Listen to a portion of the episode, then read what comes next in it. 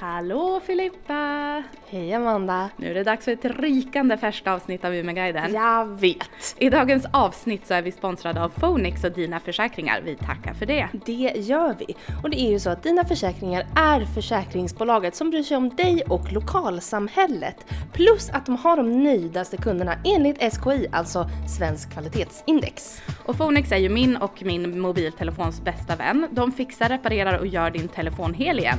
Och vet du Filippa vad som eh, olämpligt nog hände mig och min telefon igår? Alltså jag kan bara tänka mig, och jag ser ju din telefon nu, eh, det ser ut som att du har förstört. Ja, Din telefon, din skärm. skärmen sprack. Så nu är det dags att besöka Fonix på Avion för de kommer ju hjälpa mig. Och jag hänger med dig för att min lär ju absolut förstöras snart också. Ja. Men du, dagens avsnitt. Ja, jag vet. Alltså det är ett så fint avsnitt tycker jag. Dennis. Jag, alltså jag var ju lite nervös för att jag tänkte att han skulle vara en så cool rockstjärna. Alltså man vet ju inte, de kanske är superkaxiga och världsfrånvända. Men det var ju precis tvärtom. Men jag tänker att vi tog av hans superrockstjärnemantel lite när vi bjöds in i hans hem. Ja, och vi spelar ju också ett underbart spel med honom som jag tror att han aldrig har spelat förut. Missa inte det här. Gör nu kör det. vi! Det gör vi! Dagens gäst är född och uppvuxen i Vännäs några mil utanför Umeå. På 90-talet var han en del av Umeås hardcore-scen och straight edge-rörelse och frontade legendariska bandet Refused. Med en sprayad tuppkam gick han mot strömmen och agerade punkare när de andra ungdomarna såg ut som frågetecken. Med oss idag för att prata om en galen samling vinylskivor och livet i norr, Dennis Lyxzén! Hej Dennis! Hej! Vilken introduktion. Kändes den eh, accurate? Ja, ganska. Jag hade nog inte, den här tuppkammen hade jag nog inte så jättemycket.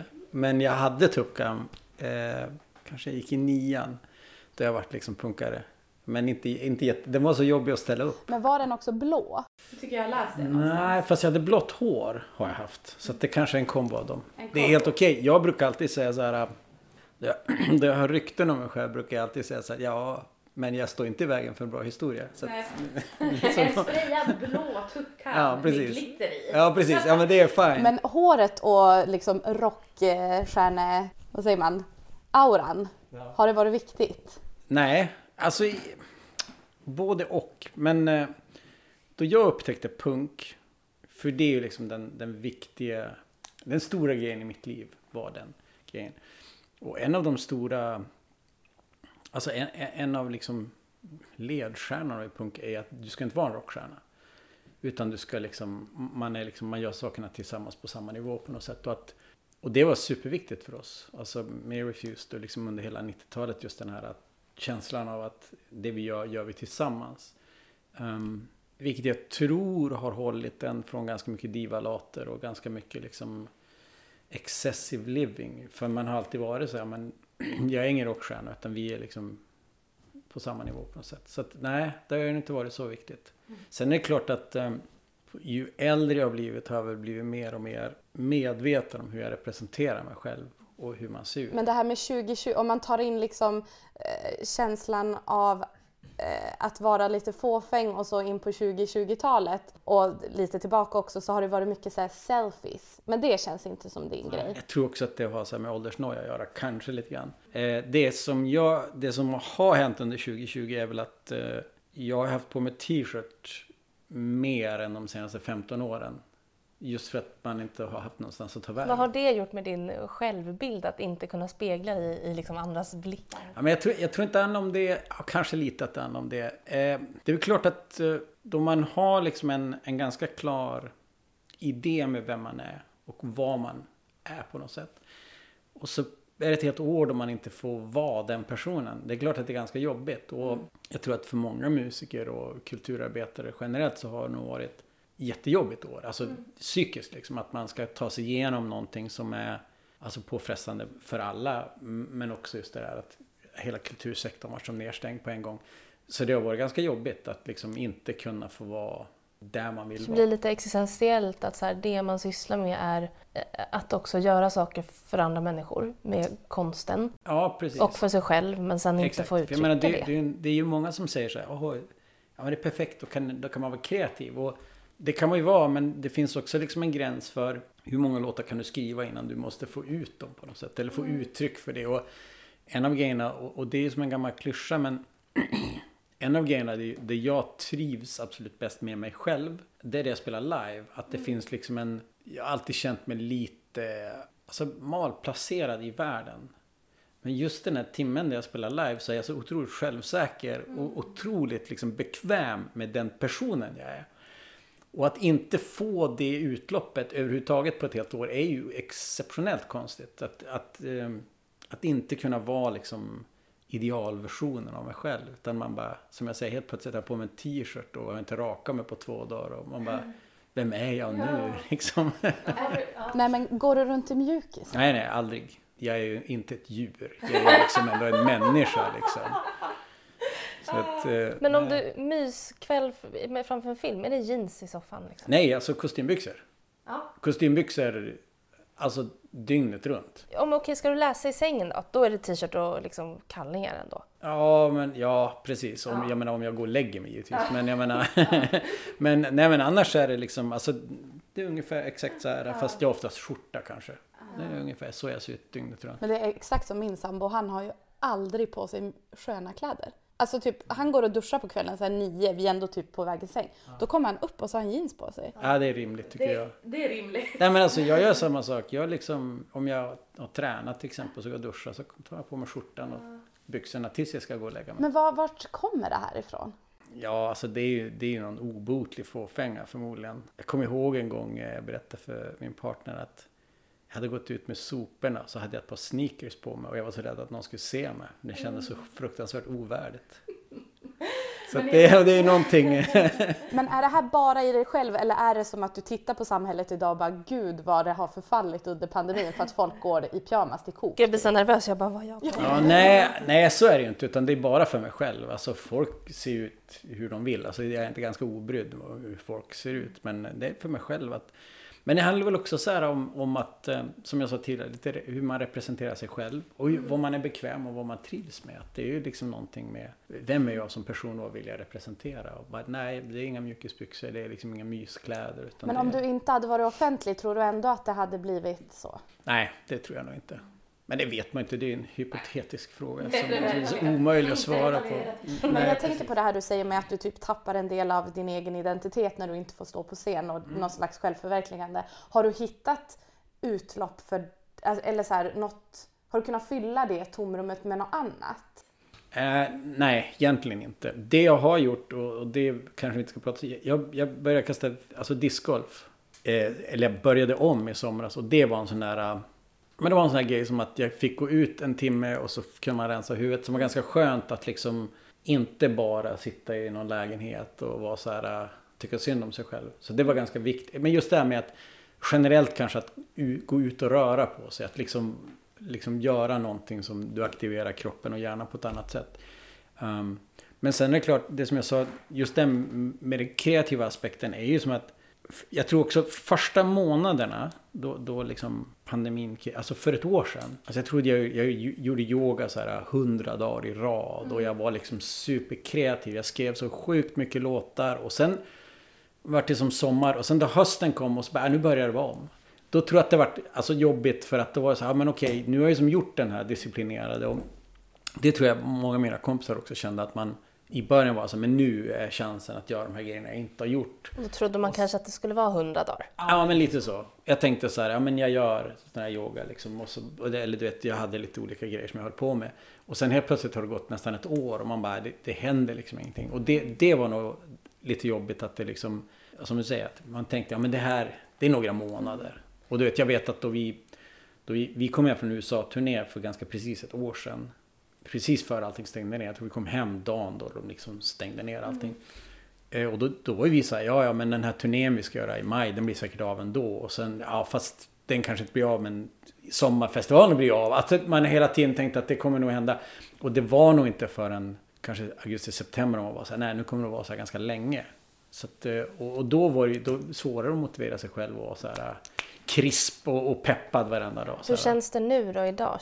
Alltså, Alltså nu känns det, jag är ju sjukskriven för jag opererade mitt knä för två månader sedan. Så det har inte varit hjälpt. Det har inte hjälpt kan man ju säga. Nej precis.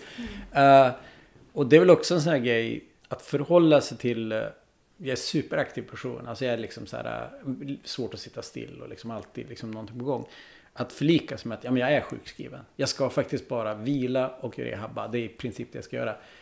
Det tog ju ett tag att eh, komma in i det modet. Så det, känns helt okej. Okay. Under omständigheterna känns det helt mm. okej. Okay. Och just att det börjar bli ljusare ute. Det börjar faktiskt släppa upp. Vaccinet börjar komma. Så det är mm. klart att man ser nu ser man ju något så här, men det finns något slags stoppdatum där framme så då är det lättare att förhålla sig till Och du har ju ett nytt projekt. Vi sitter här i ditt nya helt otroliga hus. Alltså jag ska mm. inte ens ge mig in på att försöka förklara hur fantastiskt det här konstnärshuset i Vännäs är. Eh, vi är jätteärade över att få vara här och du kommer ju från Vännäs från början. Va, vad hände? Hur hamnade du här igen?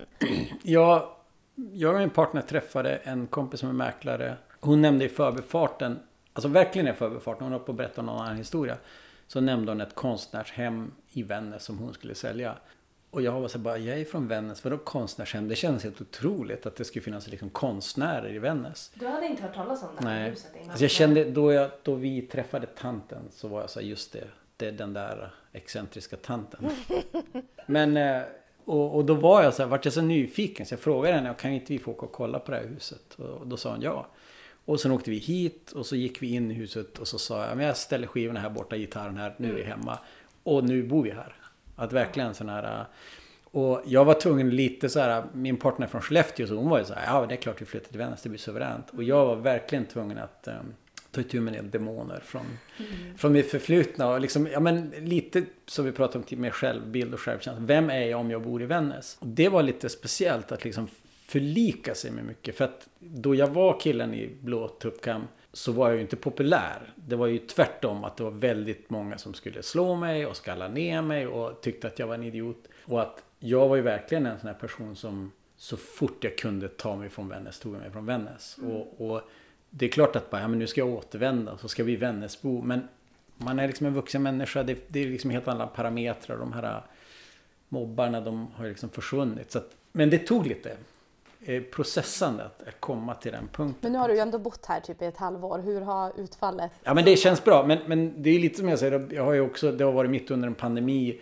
Under mörkaste, kallaste vintern. Jag har varit sjukskriven. Så det är ju som inte att jag har insupit Vännäs riktigt. Utan det är ju väldigt mycket att vi, jag var i det här huset som är ganska fantastiskt. Det här huset hade egentligen kunnat vara beläget lite var som helst. Ja men det, det tror jag. Så är det ju helt klart. Och det, det är ju väl det man får tänka att vi flyttade till ett hus som vi tycker är kreativt och konstnärligt och fantastiskt. Och att det råkade vara i Vännäs var liksom nästan det, här, det var som lite ironiskt att ja, okej, det är Vännäs. Du måste ju, så att, men, men samtidigt hittills så trivs vi jättebra och tycker att det är ändå ganska gött. Kan du inte beskriva det här rummet vi befinner oss i? För det här är ju häpnadsslående, hela huset. Liksom. Alltså vi, det här är ett rum som, vi, som är ateljérummet kallar vi för. Det, det var ett vardagsrum för länge sedan. Men sen tanten som vi köpte huset av hade det här som ateljé. Och det är väl det är 50 kvadratmeter stort och sen är det 3,70 högt. Så det, är ganska, det, det, känns lite som en sal nästan. Och hon hade det som ateljé så det var liksom tavlor och konstverk och grejer över hela väggarna och golven och taket. Och vi har som gjort om det till ett slags musikrum kan man säga. Som också ska ha lite ateljékänsla. Så det är ett stort rum med gitarrer och skivor och böcker. Och resten av huset är ju också präglat av den tidigare ägaren. Kan ja. du inte berätta lite historien? Ja, tanten som, som jag köpte huset av heter Lisbeth Forsberg. Och hon var konstnär. Och hon har bott här sedan 71.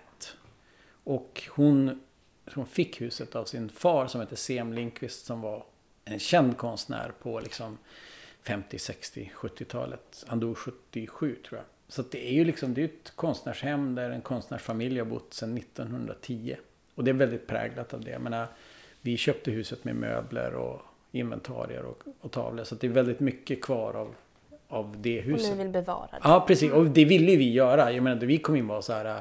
Vår första tanke var ju verkligen så här den här skräcken av någon liksom braksvännerfamilj skulle flytta in här och blåsa ut allt och göra något nytt fräscht Ikea hemma. Jag bara, mm. alltså det går inte för att det är så mycket liksom, det är väldigt egensinnigt huset. Och vi kände direkt att ja, men vi vill bo i det här egensinniga huset. Vi vill inte bo i ett, liksom ett för jag menar, tar man, tar man bort allt som var här i så blir det bara ett hus. Liksom. Nej, det här är ett mäktigt rum i och för sig. Men, nej, men så, att, så att vi vill ju verkligen bevara det och, och, ha kvar den känslan. Och sen sätta vår egen prägel på det. Och sen tänker jag, ju mer man bor här desto mer blir det ju vårat och, Mm. och våran prägel. Men nej, det är väldigt det är mycket gamla tavlor och otroligt mycket gamla möbler är det ju. Jag tror att den, den här, de här fåtöljerna som, jag- som jag sitter i och soffan som jag sitter i, det är nog de, liksom de nyaste möblerna. Och det är någon sån här 70-tals danska Mm. designer möbler. Och det är kanske det absolut nyaste som fanns i huset. De här IKEA-skivmöblerna är nya, det är mina men annars i princip Vad allt hade fanns ju. ni för inredningsstil när ni fortfarande bodde i lägenhet i Umeå? Ja men typ som det här rummet såg ju våran lägenhet ut. Alltså det var jättemycket tavlor och prylar och krimskram. Så att det var ju inte som att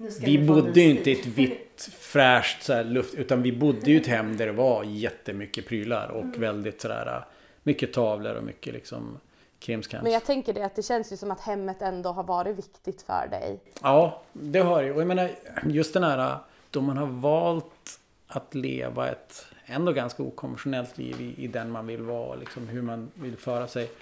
Så är det nog ganska viktigt att liksom hitta ett hem som, som på något sätt reflekterar och speglar det. Och en av grejerna som har varit jätteviktig för mig är ju att jag ska kunna spela musik på hög volym dygnet runt. Och den senaste lägenheten vi bodde i, det var ju en vanlig Umeå hemlägenhet mitt inne i stan. Och det var ju hämmande. Jag tyckte att det var lite jobbigt med grannar och sådär. Så att eh, det känns ju väldigt mycket oss, det här huset ändå. Trots att det är liksom mycket från en annan person. Men det är också det man, då vi träffade Lisbeth eh, och hennes familj så kände vi jättemycket, men vi kände jättemycket kopplingar till dem och vi kände jättemycket gemenskap med dem. Och att, att man synkade. Liksom, vi träffade den här 90-åriga tanten och vi bara, men vi är kompisar nu. Det är liksom, du vet, så att det, det var ganska, det var liksom menat att vi skulle flytta hit. Men så tryggt också för henne och för hela familjen att känna att det här hamnar i goda händer. Ja, man kan känna ett lugn över det. För jag kan ju också förstå att det är ett, ett familjehem som har varit i sa- som, samma familj sedan 1910. Alltså det är 110 år har den här familjen bott här. Och det är klart att liksom, nu ska vi lämna över det till någon, till någon annan. Så det är klart att det, det är en jättestor grej. Och då känner man sig väldigt privilegierad att de litar på oss med att ta hand om det här. Jag blir nästan rörd, men det blir jag av nästan allt också. Ja. Men du har ju nästan alltid som jag har förstått och bott och verkat i, i Umeå-trakten. Vad har det betytt för dig? Alltså jag tror att dels har det varit en frihet i att man har kunnat skapa utan att liksom vara så påverkad av vad som pågår i stora städer. Det som är liksom eh, provinsiellt isolerat är ju också liksom en bra grogrund för skap- skapande. Att på 90-talet vi fick en jättefin hardcore-scen i Umeå var ju för att ingen orkade åka hit och spela. Så vi var tvungna att liksom skapa det själva på något sätt. Och man var tvungen, okej men det är ingen som vill komma hit. Så hur gör vi nu för att ordna spelningar? Ja men då gör vi det själv och så startar vi eget skivbolag och så. Alltså, du vet, så att det är ju någonting med att vara i periferin som, som är lite bekvämt också. Sen är det klart att jag ibland tänker så här, ja det är klart att jag flyttat till Stockholm eller London eller LA så kanske mitt liv hade sett otroligt annorlunda ut. Att man hade liksom kunnat slå mynt på liksom sin karriär på ett helt annat sätt. Men det har aldrig varit så intressant egentligen. Sen kommer jag ihåg eh, så otroliga grejer som präglat mig jättemycket. En av de första gångerna vi spelade i Stockholm med Refused, 93 ska jag tippa att det var. Så var, jag undrar om vi bara, kanske var i tunnelbanan eller någonting. Och så, och så, man såg som att vi var ett band och så var det någon som sa, har ni ett band? Och så sa ja, ja, ja, vart är ni ifrån? Umeå. Och så skrek den här personen, det där kan man ju fan inte bo. Och då var jag bara så här, va? Vad är det du säger? Bara, jag ska fan visa dig att man visst kan bo i Umeå. Så att det, det var, ehm, och det var en sån här grej att, att det finns någonting liksom hur, hur, eh, hur man strukturerar upp liksom rockvärlden. Och bara känna att ja, men vi har tänkt göra det på ett annat sätt och vi har tänkt bo här uppe och liksom visa att det faktiskt är möjligt. Ehm, så det var ganska viktigt för mig. Sen tror jag att det blir liksom en det är klart att det blir en del av ens identitet att man blir så liksom förankrad i någonting sådär. Att ja men det här eh, har påverkat mig otroligt mycket i den, den jag är och hur, hur jag ser på världen. Och den musik man skriver. För jag tror också att det är klart att eh, hade jag bott i LA eller Stockholm så hade min musik förmodligen också blivit helt annorlunda. För att det är någonting med att man, Exakt. Eh, så det, det har ju varit liksom en ganska viktig grej för mig att eh, den, den liksom bakgrunden och att man, man liksom representerar någonting som, som kanske inte är vad resten av världen representerar. Men jag tänker också så här på att typ någonstans så präglas väl många människor av att typ göra ett avtryck. Och jag tänker som musiker eller konstnär så vill man väl kanske också göra folk berörda på ett eller annat sätt. Liksom. Och att då verka på mindre ort, så alltså rent så här, statistiskt borde man ju ha större chans att göra det om det är färre människor som försöker med det. Men också att sen leva idag och så tänker vi på 90-talet och hardcore-scenen i Umeå. Och det, även om man inte levde då så vet man ju att det här är ett, mm. ett fenomen. Det lyfts alltid som en stor grej. Och då att varit en del av det, det måste ju vara otroligt häftigt. Ja, det är klart det är det. Alltså, och, och jag tror att för många som var med då så är det Alltså jag kan ibland känna att det är liksom en, en otroligt mäktig grej. Att vi byggde någonting från ingenting och så var det jättemycket människor, jättemycket musik och liksom en otrolig genomslagskraft. Alltså inte bara liksom musikaliskt men också kulturellt hur folk, folk såg på sitt skapande, sin diet. Jag menar liksom hela veganrörelsen mynnade ju ganska mycket ut från den Umeå liksom 90-tal och hardcore-världen. Så, så att det är klart att det är en otrolig liksom, genomslagskraft. Men det är också lite frustrerande att ha varit i någonting som var så explosivt och kraftfullt. Och så bara, ja, kommer ni ihåg för 20 år sedan då det var liksom den här. Så att det kan ju också vara en, ett frustrerande element att man letar efter någonting liknande. Som du känner att du inte har fått uppleva igen? Nej, men det, men det, det, är, också, det är också en orimlighet för att jag tänker att alla, alla musikrörelser, nu ska jag inte jämföra Umeå Hardcore med liksom någonting med punken i England 77 eller så, men, men alla musikrörelser som har liksom haft genomslagskraft är ju korta och explosiva. Det, det, har, det händer ju aldrig liksom över 20 år utan det är ju några år som, och det, det är ju liksom i dess natur på något sätt. Och det ska man ju vara otroligt lyckligt lottad över att ha, få vara med om. Sen måste jag också säga att det är klart att vi började liksom lokalt och man började, vi började spela på ungdomsgårdar. Man började spela liksom hemma och då vi startade Refused var kanske ambitionen att man kanske släppa någon singel och få spela liksom utanför stan. Men sen 94 eh, men sen dess har jag nästan bara turnerat utomlands. Så det är också en grej som jag tror spelar in i mitt val att bo här. För jag menar, ett vanligt icke-corona-år, då är ju LA och London och mm. Paris och Berlin flera gånger oftast. Och det är klart att då är det skönt att komma hem och så kommer man hem till Umeå eller mm. Och, och, att, att det blir liksom en kontrast till, eh, till den världen. Det känns som att du, det du berättar, du har inte drivits av någon slags så här pengakarriär egentligen, även om det såklart säkert har varit en bonus. Uppfattar jag det rätt? Mm. Alltså det var inte en dröm att så här, ja, flytta till LA typ. Nej, nej, nej, verkligen inte. Och jag tänkte ju aldrig, då, då, då jag började spela musik så, så var det i, i princip bara att liksom man skulle fly från, man var uttråkad och man var understimulerad och man var liksom... Så att det var ju, musiken för mig var ju den flykten att ja men min, min otrolig energi. Jag måste hitta någonstans och liksom lägga den här energin.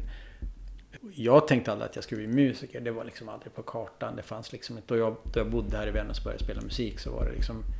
Det kändes så otroligt fjärran att det kunde vara liksom ens ett, ett val i livet. Um, och jag menar till och med då vi... Vi la ju ner Refused första gången 98. Då åkte jag ju hem, vi var i USA och så hade vi världens, det var supertråkigt. Och så åkte jag hem från den här USA-turnén då vi la ner. Och så kom jag hem och så var jag så här, ja men nu ska jag börja plugga. Och så ska jag liksom bara, du vet. Göra ja, något göra vanligt. ja, något vanligt. Ja men jag skulle plugga sociologi. Och så hade jag, jag gick ju som inte ens klart gymnasiet. Så att det var ju Sociologi som är en sån här linje där, ja men där får alla vara med. Jag kom ju inte ens in. På, och jag bara, vad fan ska jag göra nu då? Och, och sen gick det ju bara liksom tre dagar så hade jag startat ett nytt band och så var jag bara så här, ja det kanske ändå är det här jag ska göra. Så att det var inte som att jag tänkte att jag skulle bli musiker utan det var ju någon gång jag, du vet man hade hållit på och så bara, nej men nu är jag ju musiker. Och jag tror också att det vi pratade om tidigare, att då jag liksom vart, började spela punk kalla sig för musiker var lite fult. Mm. Vi uppfattade det, det var liksom några andra, de var musiker, vi var ju punkare. Vi, höll, vi spelade hardcore, att man var liksom någonting annat. Så det var ganska länge när jag kunde säga att jag är musiker. Det är faktiskt... faktiskt jag erkände det. Ja, men jag erkände, jag är musiker, okej okay då. Så det tog ganska lång tid. Um, när jag aldrig varit intresserad av liksom, kändisskap eller pengar eller sådana grejer. Så det är klart att ibland kan man ju vara så här Åh, det där kanske jag borde ha gjort och kanske inte hade behövt stressa över hyran. Men, men sällan vi. ja, vi. Men har du något så här, alltså när det ändå begav sig och det blev internationellt stort och så med Refuse. Mm. Har du något så här moment när du bara, men shit, I'm a rockstar, typ? Nej, alltså det, det är speciellt också för att 90-talet med Refused var inte vi ett stort band alls. Mm. Då var det så här, vi åkte till Stockholm och så spelade man för 300 pers och tyckte man bara shit, 300 pers, vilken mm. grym spelning. Och att vi var ju liksom, man spelar på ungdomsgårdar, man spelar på liksom, eh, squats i Europa. Att, att vi var inte ett stort band. Visst, vi spelade på Hultsfred 96 och 98 och då var det lite så att man kände bara åh jävlar, fan vad folk gillar oss. Alltså vi är ändå populära. Och det var väl de här eh, gångerna då man fick manifesterat att alla de här, för jag menar vi spelade jättemycket spelningar i Gislaved och Trollhättan och Sölvesborg och eh, du vet Vänersborg. Alltså du vet små, små orter i Sverige där vi spelade spelningar. Och då får spela, då vi spelade Hultsfred, kanske 96 främst, där alla de kidsen hade åkt till Hultsfred. Det var som en sån här bara, oj, ni, det blir så här många då vi alla är på plats på något mm. sätt. Och det var nog första gången man kände att det här liksom på riktigt. Och sen också då vi, ja men vi vart ju som Grammis nominerade både 94 och 96. Då var man också så här, oj shit, folk tar som vårt band på allvar också. Mm. Men jag har nog aldrig haft någon så här uh, rockstar moment. Jag aldrig, aldrig, dels har jag varit alldeles för impad av andra musiker. Jag, jag är fortfarande så här, du vet att jag ser någon, jag ser någon snubbe som spelar något superobskyrt litet punkband. Jag bara, det är han.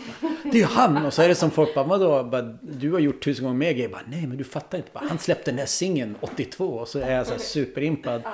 Jag är fortfarande lite för nördig för att liksom ikläda mig sånt där. Jag har för mig att jag läste någon intervju där du sa någonting om att att det tog ett tag för dina föräldrar, om det var din pappa? Det var lite vändpunkten. Ja men också att de sa så oj, det här är på riktigt ert band. För jag menar, det är så lätt då man är ung att liksom, jag menar man, man, man kan liksom hyperboliskt orera om, men nu vi håller på så. Men, men då vi vart Grammis-nominerade, då var det som att mina föräldrar, kanske helst min pappa var så här, jaha, nu är det liksom på riktigt. Bara, nu har ni liksom ett, oj, oj, oj. Och då vart det liksom en liten annan ton där hemma. Och nu är ju mina föräldrar, de stöttar ju oss. Alltså, jag, vi är ju tre brorsor. Och mina två yngre bröder spelar också musik. Så att, och de är liksom på alla våra spelningar och stöttar liksom allt vi håller på med. Så, där. så att de är ju superfina. Men, men de var väl oroliga och tänkte att det kommer aldrig bli något. Jag känner att cirkeln sluts lite i och med det du berättade innan vi startade inspelningen. Att, att farsan din var lite skeptisk till husköpet också. Ja, ja.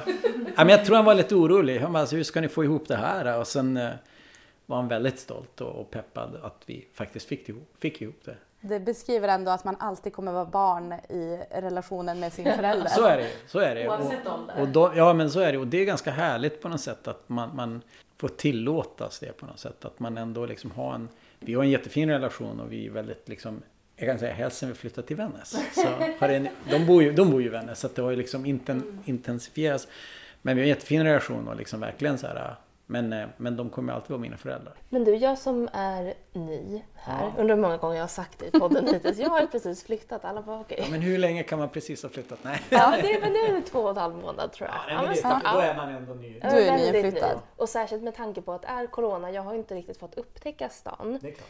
Men jag har faktiskt en historia som, eller historia historia, men jag känner igen det där när du eh, blev utsatt för en vidrig stockholmare på tunnelbanan. Man kan inte bo i Umeå. För när jag skulle flytta så var det också som att många av mina kompisar, det var inte den peppen jag liksom hade förväntat mig. Alltså de var lite så här, de bara, men du är sån storstadstjej, hur ska du kunna bo i Umeå? Och då blev jag också så här, jag bara, och då hade jag tänkt flytta typ om ett år. Och jag bara, äh, jag drar och visar dem. Ja. och det, det är någonting i det där som när folk är så, nej men det där kan du inte göra. Som mm. får en att bara, men jag ska visa. Men jag tänker när samhället öppnar upp lite mer, vad har du för Umeå-tips? Ja, det får vi ju se. Alltså en av grejerna som har varit ju effekten av liksom hela covid och corona-kaoset. Det är ju som att Umeå är en liten stad. Och i en liten stad så krävs det ju ganska små medel för att det ska hända grejer. Men det har ju liksom inte kunnat hända någonting. Och jag vet att eh, före corona så hade ju en, en snubbe som heter Magnus och Joel de hade en klubb som heter Sub som var superhärlig. Men den har ju lagt ner. Mm. Men nu, Verket har fått nya lokaler. Verket är liksom en punk, punkklubb. Så det hoppas jag ska bli bra. Och, och, och, jag tänker att då det kommer igång så kommer ju den här törsten förhoppningsvis efter liksom livemusik och att gå ut. Så, så jag hoppas att, för jag menar, de här Make Sound har gjort jättemycket bra spelningar och eh, en klubb som heter Out of Step har gjort jättemycket bra spelningar. Så jag tror och hoppas att det kommer att sätta igång och, och då kommer det att finnas ett, ett ganska gediget kulturutbud i Umeå.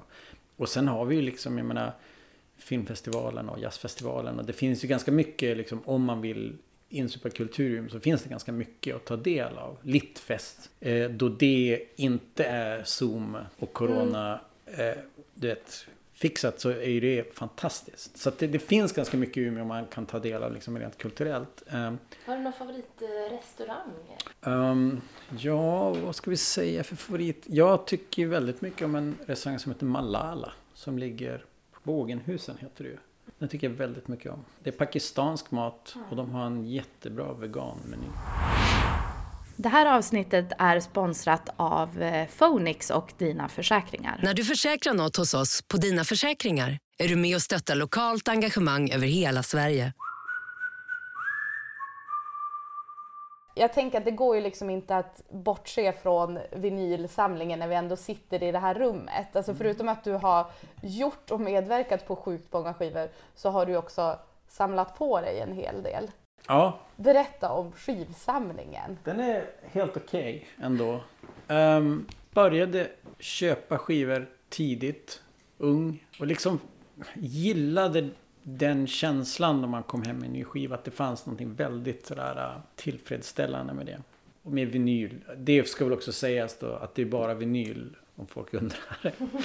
um, jag, menar jag började tidigt att köpa vinyl. Och kanske inte samla i början men verkligen. Jag menar jag kommer ihåg. Jag tävlade i höjdhopp ett tag. Och så fort jag vann tävlingar så fick jag liksom köpa två LP-skivor. Så att jag vann ändå hyfsat mycket tävlingar. Så att det, det har som alltid funnits med mig. Och sen har det ju blivit liksom... Då man turnerar så mycket som jag gör så är ju en av de uh, grejerna som är mest... Eller mest, ja men en av de grejerna som jag gillar är att liksom... Nu är vi i den här staden. Okej, finns det en skivbörs? Finns det en väggrestaurang? Och så liksom ger man sig ut. Så att det är ju liksom hjälper ganska mycket att man har liksom levt ett liv där jag har fått resa runt i världen och hitta skivor och sådär. Och sen har det blivit liksom en... Man inte pundar någonting annat.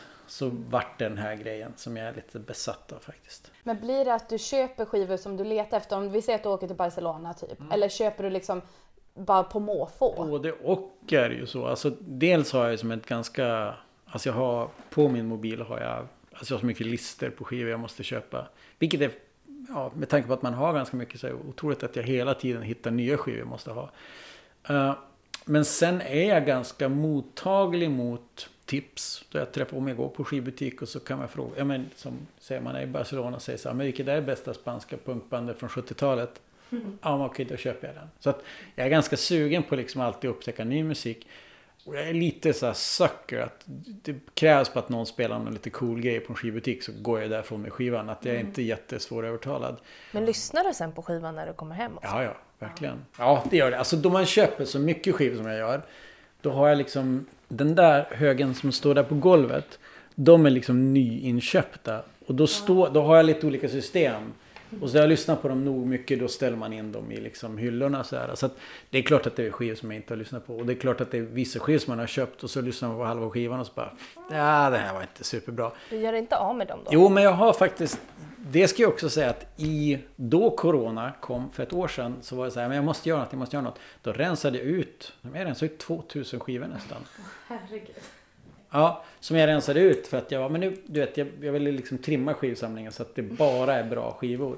Säg någon som rök. Ja, men det var, alltså, det var väl inget så här, det var väl ganska mycket, det kanske inte säger något, men Eddie and the Hot Rods är ganska bra punkband. Jag behövde inte deras fjärde skiva. Sådär, så att eh, man fick liksom lite sålla. Och om jag får skivor ibland, jag brukar få skivor av folk ibland och jag inte gillar dem så brukar jag faktiskt antingen ge dem vidare till någon som jag vet gillar dem eller så brukar jag liksom, ja, sälja dem. Är det ett alfabetiskt system? Nej, ja, nej. Hur sorterar du? Okej, jag sorterar efter, eh, nu måste jag tänka hur det blir om man börjar med årtionde, genre, land och sen bokstavsordning. Det är advanced. Ja men så här, där, nu ser inte folk där som lyssnar men här uppe på den här hyllan, där har vi brittisk indie från 80 och 90-talet. Och sen har vi amerikansk indie från 80 och 90-talet. Ja. Och här har vi ny indie-rock från 2000-talet. Ja. Och i den där hyllan där har vi svensk musik från 2000-talet. Där uppe har vi soul från 70-talet. Och där har vi amerikansk, in, äh, amerikansk alltså rock, Bob Dylan, Bruce Springsteen. 70, och- 60, 70, 80-tal. Där har du också som två, vad säger man, en modell som eh, tar upp lillfingret och vad blir det, pekfingret i liksom ett rocktecken så att du vet att där har du rocken. Exakt. Och där då har vi till exempel eh, europeisk 60 och 70-talsrock. Och där till exempel där nere har i ett hörn har vi tysk musik från 70-talet. Så det är lite Som, här- som ni kanske förstår, alltså det här är ju ett 50 kvadratmeter stort rum och varenda, man skulle väl ändå säga i princip varenda liksom, kvadratmeter på väggarna är fyllda Täckta. med täckta med bokhyllor med en massa LP. Hur många har du? Alltså, jag vet. Jo, jag vet. Exakt. Så här är det. Med singlarna och så är jag lite CD-skivor så är det väl när, närmare 12 000 titlar. Så det är väl kanske 7 000 LP-skivor. Det enda sånt. jag tänker på, förutom att det är fantastiskt, är att det är sjukt mycket pengar. Ja, ja alltså. Så här är det ju. Menar, om man köper skivor under så lång tid som jag har gjort. Så är det klart, ja det är klart det är mycket pengar men det är också en sån här känsla. med- Det är mycket skivor som jag köpte billigt och så fyndar man och så byter man till sig. Så det är inte liksom. Men ja, det är klart, skivsamlingen är värd lite pengar. Men då måste du också hitta den som vill köpa den för de pengarna. Så att det är lite sådär. Men eh, ja, jag har investerat. Och det är också mycket tid som man har investerat i Förlåt det här. för den här hemska frågan men, men om det mot förmodan skulle börja brinna, vilken skiva drar du med dig ut? Ja men det är två backar där nere. De är sorterade för om vid brand. Nej, inte riktigt, men jag vet ju vad som är där i. jag vet att de skulle följa med Jag mig. gillar ändå att prata om pengar, jag vet inte varför. Men dyraste skivan, eller alltså värdet på skivan kanske man säger snarare idag. Ja, värdet, precis. Ja, den, alltså, den sing, jag har någon singel som nog är värd mellan 15 och 20 000. Dels eh, är det en, ett svenskt punkband som heter Kriminella Gitarrer. Deras första singel finns ju bara i alltså, kanske 350x, 400x. Och sen är det första Bad Brains, är det ett av världens bästa punkband. Deras första singel i, det är kanske den andra pressen då, men den är värd väldigt mycket Lyssnar pengar. du aldrig på Spotify? Ja, alltså om jag är, om jag är ute och reser såklart. Ja, i bilen och, och om jag är ute på turné såklart. Men, och sen kan jag vara så om jag är nyfiken på musik. eh, Då kan jag, det är klart jag kollar upp på Spotify. Det är onödigt att liksom beställa allt som man är nyfiken på. Men då, då kan jag lyssna på, och som jag gillar det så köper jag det. Då beställer jag det på en gång. Eller försöker hitta det i en skivbutik. Så att, men jo, det är klart att det, det är någon funktionalism över just det där med att är den här nya skivan bra så kan man lyssna och så bara, ah, fan det var ganska bra då. Då är det dags att beställa. Jag tänker att du dras ju till det, så här, de stora rockbanden, det känns ju ganska naturligt. Men jag är ju också lite nyfiken på så här, att köra en kväll då när vi ger dig ett uppdrag och bara så här, det kommersiellaste just nu, Benjamin Ingrosso. Mm. Men jag är så ointresserad av det. Jag, jag tycker liksom att... inte. Nej, och jag tycker liksom att det har... I det jag skapar och jag håller på med, att det, det är liksom nästan inte att man gör samma saker på något sätt. Och, och jag är verkligen... Och det, det tror jag mycket göra... Jag menar, jag har aldrig sett Mello, jag har aldrig sett Så Mycket Bättre, jag har aldrig sett Idol. Alltså jag är, jag är ganska noga med att välja mitt kulturella intag. Liksom, för det finns så sjukt mycket musik. Det finns så sjukt mycket film och tv-serier. Och liksom att man blir som lite så bombarderad med att nu ska alla se På spåret och sådär. Och så istället så väljer jag, men det här tycker jag är intressant. Det här vill jag lyssna på och sådär. Och jag förstår liksom den impulsen. För jag kan också vara så här. äh, Då man liksom, folk pratar om Mello och jag bara, men jag är inte intresserad. Alltså i min värld är det liksom de, de parametrar som du bedömer den musiken efter är liksom inte relevanta i min värld på något sätt. Sen kan jag ju höra, och jag kommer inte ihåg vad det var jag lyssnade på häromdagen. Det var någon, det var någon sån här superpoplåt och jag bara, ah, fan, superstark refräng. Att jag kan ju ändå höra om varför folk liksom kan gilla det och sådär. Så att, men, men, men det är verkligen, det intresserar verkligen Men har du fått frågan, jag måste ändå slänga in den, att vara med i Så mycket bättre? Nej. Men jag tror också att jag har pratat alldeles för mycket skit om Så mycket bättre. Om vi skulle se inför nästa år att du är med, tänker vi så här, nu har han fått typ en psykos eller är det En rimligt? psykos, tror jag. Då skulle ni tänka att jag har fått en psykos. Eller att jag är liksom... Alla mina pengar är helt slut. Alltså, em, nej, nej. Då det, är du i botten. Då är, man, då är man i botten. Nu säger inte jag att jag känner ju jättemånga som har med Så mycket bättre. Jag säger inte att de är i botten eller att de har fått en psykos. Men jag känner bara att liksom det, för mig är det liksom inte... Alltså det känns inte relevant.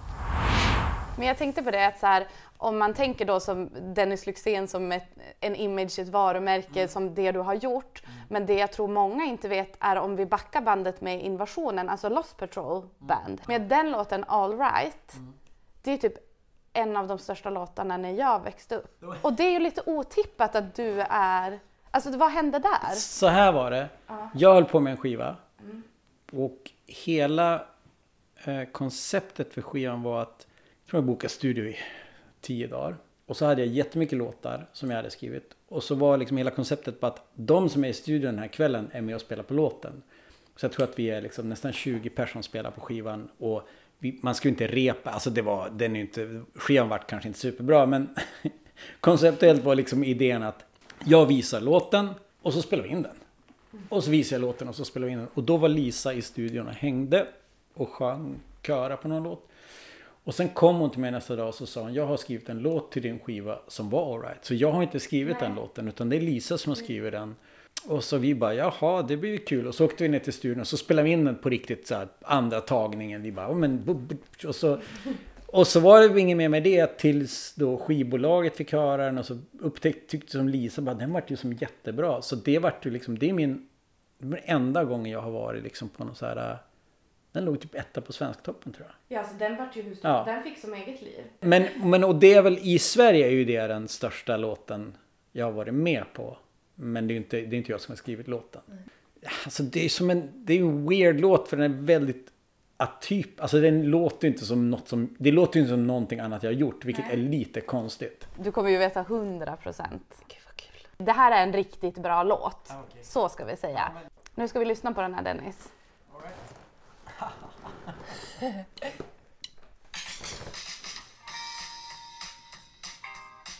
Japp, absolut. Ja. Mm. Nu är introt över. I try to tell you that the woman is blind. You can say whatever you want to say. I say, I say and I pray, cause love will never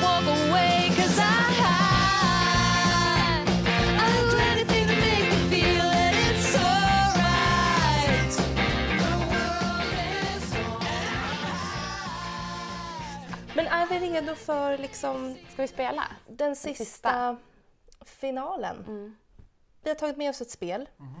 Det är säkert ett spel du aldrig har spelat förut skulle jag tippa på. Exakt, för att vi vill ju gärna hitta på lite oväntade aktiviteter med våra gäster. Ehm, det är inte jättelätt för dig idag för att du har ditt knä. Så att vi har tagit med oss det här spelet som heter Tjejmiddag. Kanske blir ett köp efter det här. Ja, vi får se. Vi båda älskar ju sällskapsspel jättemycket och dessutom ett riktigt gott snack. Eh, spelet beskrivs som helfestliga frågor för den ultimata tjejmiddagen. Här avhandlas allt du alltid velat veta om dina vänner... Punkt, punkt, punkt. Dun, dun, dun. Mm. Eh, hur peppad är du? Vi får se. Än så länge är mitt pepp ganska modest. Men det, ja, det kanske... Ja, men den här är kul. Har det hänt att du bråkat med någon ute på krogen? Ja. Ja. Det var en kille för några år sedan som... Han var jävligt arg på att jag kom till krogen. Han stod faktiskt och DJade. Så var han så rasande så han kastade mikrofonen på mig. Och skrek massa obsceniteter om mig. Varför? Och, och så, ja, det är en lång, lång historia. Jag tror att han var kanske inte helt nykter. Och jag tror att han har lite så här... Eh, lite... Han är en gammal punkare. Och så tyckte han att det var blivit lite mycket fokus på mig. Mm. Och så kom han liksom emot mig och så vart det slagsmål. Det var väldigt spännande. Alltså det var ju liksom inte så länge sedan. Så, så I vuxen ålder liksom att slåss med någon på krogen var jätte, jättekonstigt. Eh, men det här är också en rolig fråga till dig. Äger du en t-shirt med pop eller rockband på? Ja, jo, någon Du någon gillar ju inte t-shirt i och för sig Nej, fast jag har eh, efter, eh, under åren som man har förskansat sig, jag har en, en hyfsat bra t-shirtsamling med dyra t-shirts. Det är som en grej nu att man kan köpa dyra. Alltså gamla punktröjor är värt jättemycket pengar. Nämn en sak som du tycker att du har lagt alldeles för mycket tid på. Uh, ja, alltså det finns ju många saker jag har lagt alldeles för mycket tid på. Mitt skivsamlande kanske eller mitt, mitt fotbollsintresse. som inte gav någonting eller? Det vet jag. Alltså, jag, är ju, jag tränar ju ett division 4-lag. Så det mm. ändå ger väl lite grann tänker jag. Det är ändå kul. När har dina föräldrar blivit som mest förbannade på dig? Um, en gång då jag var kanske 14 eller 15 och då hade jag hyrt en film som var lite för porrbetonad. Och då var, men jag kommer ihåg, det var någon så här uh, lite så här snuskig komedi. Alltså jag kommer faktiskt inte ihåg vad det var för film, men då vart farsan riktigt arg på mig. Men jag tror att jag kanske käftade emot. Att det vart någon sån här gubbjävel, nu håll käften. Det är som enda gången farsan har blivit riktigt arg på mig. Eh, ska vi se om jag hittar något. Vad är det konstigaste ställe du har varit tvungen att kissa på? Ja, Men, alltså, det är ju en ganska återkommande, ibland då du är på turné och så spelar man på ganska sjaviga ställen. Det är ju ganska återkommande att försöka hitta en bra toalett. Alltså det är ju svårt ibland om man är på några industriområde i Barcelona och det inte finns toaletter och så ska du spela. Och så så att man, har, jo, man har varit på en hel del konstiga ställen och kissat. Bara för att, av nödvändighet. Men det är också, det här är ju tjejmiddagsspelet. För killar är det ju lättare att kissa på konstiga ställen. Vi har ju som ett litet, alltså det är ju lite... fusk. Ja, det är lite fuskigare. Vi, vi kan ju liksom verkligen bara smita runt hörnet och lite låtsas som att man inte står och kissar bakom en bil. Utan man, Lite svårare för oss. ja. Precis. Den här är också lite kul. Jag vet inte om i och för sig om det applies, men har du blivit så missnöjd efter ett besök hos frisören att du grät? Men eh, ja, alltså inte så att jag grät kanske men jag har inte gått till frisör på jätte, jättelänge. För att jag litar liksom inte på, eller så här. Jag litar inte på folk som vet hur jag ser ut i vardagen. Vilket jag tycker ibland min frisör, då man kommer in och så, så här, men det, och så ställer de till håret så går man ut och bara, men jag ser inte ut så här. Det här är helt barockt liksom. Så att eh, jag tror att jag haft några dåliga frisörerfarenheter för länge sedan vilket har gjort att jag har väldigt så här, svårt att gå till frisör. Jag har en sista. Ja. Vilk, alltså gud, det är svåra frågor. Vilket är ditt mest romantiska minne? Ja, men jag kan nämna ett romantiskt minne då min partner fyllde jämnt förra året. Nej, det blir för, förra året blir det. Då köpte jag en New York-resa till oss. Och det var väldigt romantiskt. Alltså bara en hel vecka, bara jag och hon. Visste hon att hon skulle få åka? Nej, alltså ja, hon fick det på sin födelsedag. Så hon fyllde år i slutet av december. Vi åkte i början av januari. Så att det var verkligen så här att, du vet. Kort varsel. Ja, Åh gud. Och då åkte vi till New York en vecka. Bara jag och hon, inga spelningar, ingenting. Utan bara liksom var där. Det var väldigt Också fint. lite orättvist att vi körde bara inga frågor till oss själva. Det är inte så man spelar tjejmiddag egentligen. Nej. Men vi är mer intresserade av, av Ja. Dennis från Venice. Ska vi Ja, tacka? ja, men vi avslutar och tackar. Tack för att vi fick komma hem till dig, till din fantastiska konstnärshem. Det var så lite så. Kul att, ni, kul att ni ville komma hit. Glöm inte att följa oss på Instagram. Där heter vi ju såklart Umeåguiden. Tack för att du har lyssnat på podden. Nästa avsnitt kommer på onsdag om två veckor. Vi, hörs då!